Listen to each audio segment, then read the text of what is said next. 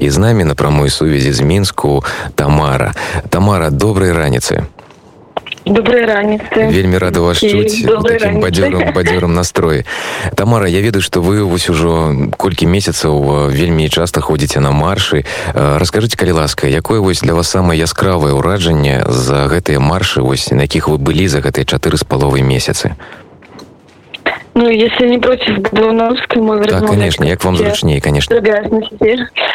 Uh, ну, для меня определенно самое яркое, самое такое впечатляющее событие – это выход МТЗшников, наш известный, известный момент, когда они появились на проспекте Независимости, собравшись э, у себя возле проходной.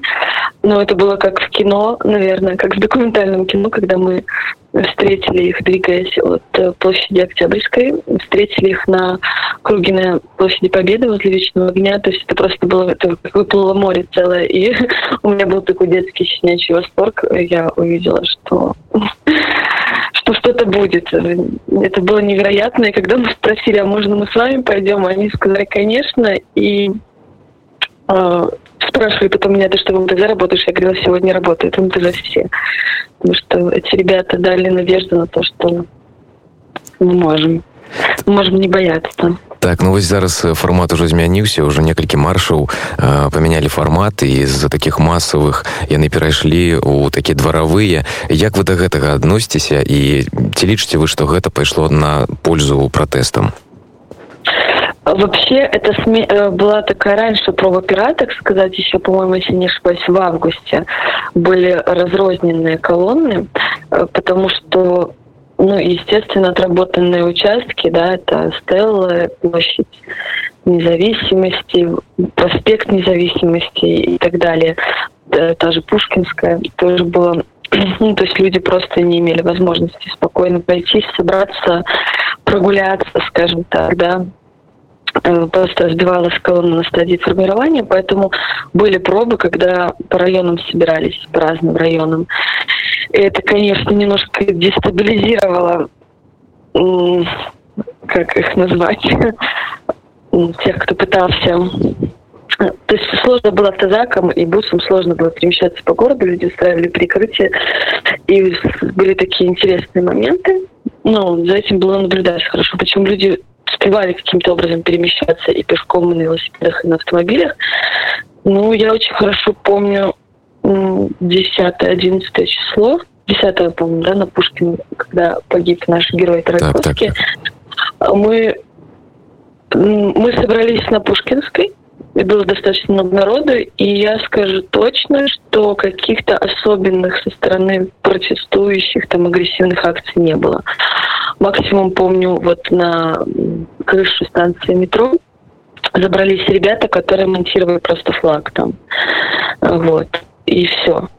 Поэтому пальба и стрельба, конечно, началась просто, я не знаю, по какой причине. Лично я видела, что не было каких-то весомых там причин расстреливать мирных людей, которые просто зажигали фонарики в своих телефонах. Мы переместились, тут же после этого мы, э, перем... ну, люди прятались в подъездах, продолжали забрасывать людей светошумовыми гранатами, мы переместились в сторону площади Бангалор, где была Рига, все это мы тоже помним. И самое неприятное то, что нас подвозили знакомые, и две, две или три скорости с мигалками пытались ехать на круг Бангалор. И мы пропустили эти три скорые. Только когда мы их уже пропустили, мы увидели, что это были скорые с тонированными стеклами, за которыми ехало несколько микроавтобусов. После этого я общалась э, вот здесь у себя возле дома с там, ребятами, которые работают на скорых девушка постояли, поговорили, она сказала, что это отвратительно, но говорит, мы, мы не знаем, как себя вести, люди нам не доверяют, мы двигаемся, мы совсем перемещаемся на других машинах, у нас другой, но она объяснила, как отличить.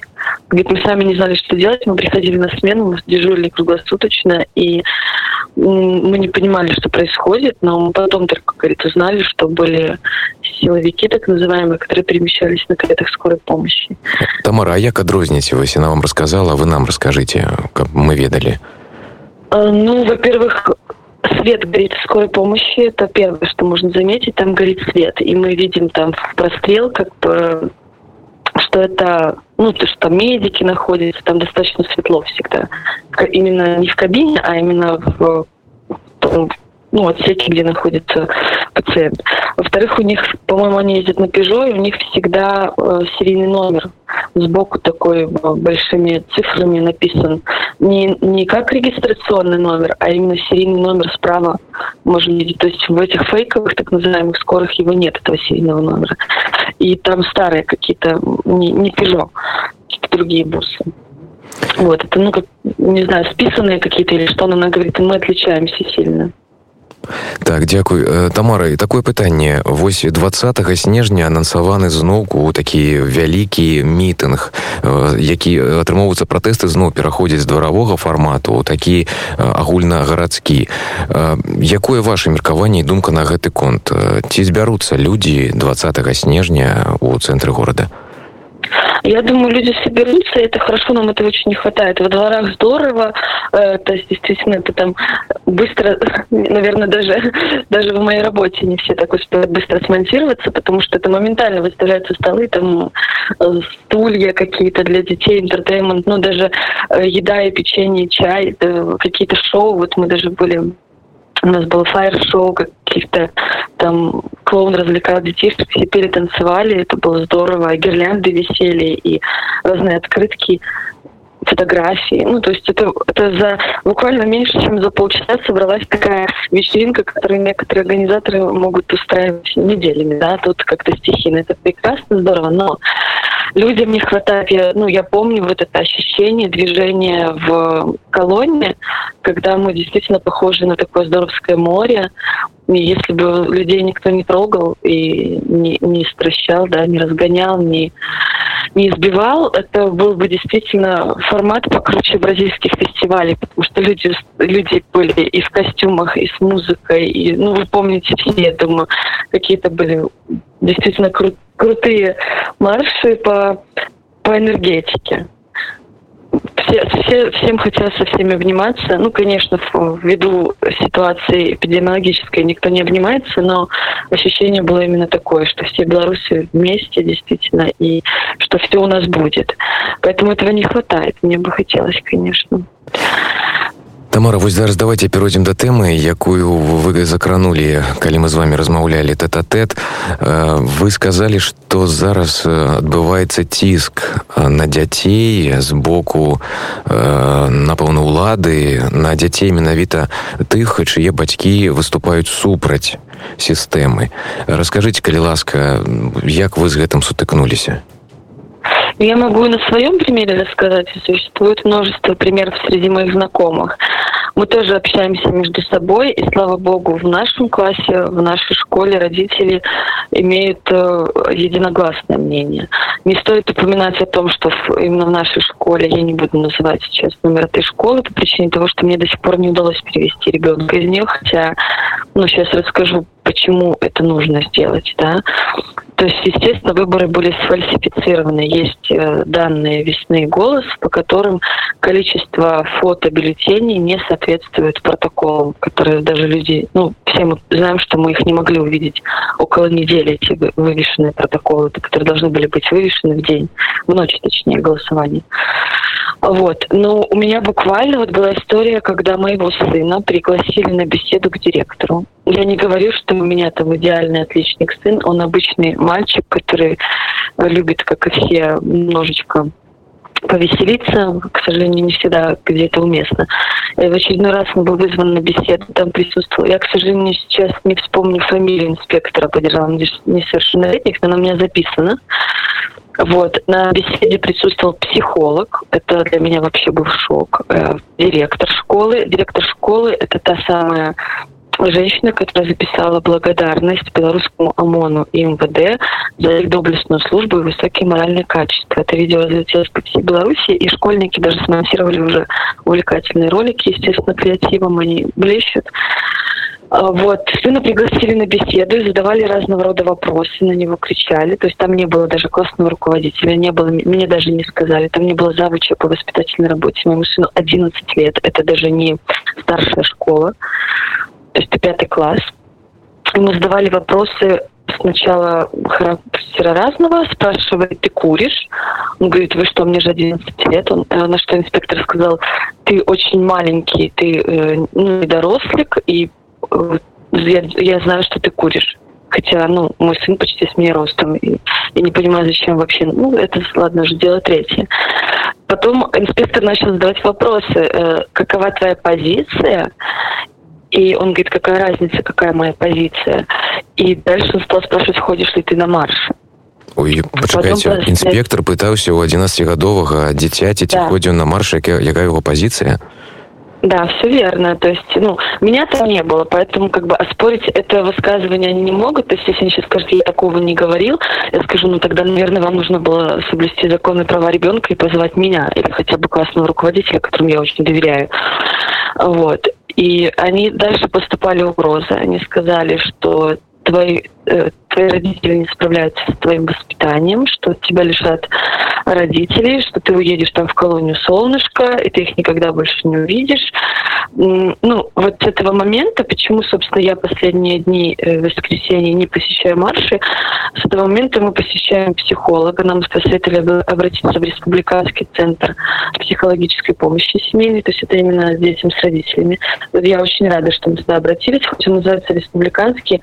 Э, работники центра исключительно всегда на стороне ребенка. Они будут защищать права ребенка, так сказать, собственной грудью потрясающие специалисты нам попались, которые были просто возмущены до глубины души поведением администрации школы. Они нам очень помогают. Но у моего сына панические атаки. То есть даже если я выхожу, у меня был момент, когда мне нужно было там, заняться машиной. То есть ну, мне помогали завести машину, которая не заводилась. Меня не было около там, часа. И ну, то есть я получила 200 голосовых там сообщений с плачем, истериками, где ты. Ну, то есть мой сын буквально не может больше оставаться один дома. Хотя это взрослый парень, который бывал, ну, я спокойно уезжала там по своим делам днем и так далее. И это было нормально. Он занимался своими делами, готовил там, убирался и делал уроки. Сейчас нет. Сейчас он ездит на все работы, на все встречи. Сегодня, извините за подробности, он едет со мной на маникюр, потому что он не может в три часа дня остаться один дома. Ой, ему страшно. Вот. Скажите, а як гэта, а як гэта каментуеце дырэктар школы ці яны нічога не, не адказваюць вам на ваше пытанне? Ну, если честно, я все это началось, наверное, с того момента, когда меня пригласили на беседу из-за инцидента, произошедшего в школе между ребятами. В итоге выяснилось в разговоре телефоном с психологом. Ну, я считаю, что это вообще вопиющий момент, когда психолог приглашает на такого рода беседу ребенка с инспектором. Он же психолог, то есть он же для кого? Он же для детей, да, и дети должны ему доверять. Это первый человек, которому должны бежать дети в случае какой-то экстренной ситуации. Я не представляю, что к этому человеку ребенок может пойти довериться после того, как он соучастник допросов вот таких несанкционированных. И инцидент был э, решен, то есть еще в школе было решено, что мой сын не виноват в том, что произошло. Мне позвонил психолог, позвонил на беседу, мы разобрались, я потом сказала, так чего вы меня зовете, как бы, если вы уже выяснили, что он не виноват, зачем, что происходит, почему мне звоните? Я говорю, и вообще, если честно, я говорю между нами, я не хочу при, прису... ну, не хочу идти на беседу к нашей, директору нашей школы по известным причинам. Ну и дала так э, намеком понять, по какой причине. И вот после этого начались нападки. То есть я психологу доверительно сказала, что я не... с этой женщиной у нас разговора не получится. Ну, то есть там видео очень известное, и это, просто, я говорю, после него аппетит пропадает на несколько дней. Когда она рассказывает про высокие моральные качества, любовь э, к народу и так далее от защитников наших.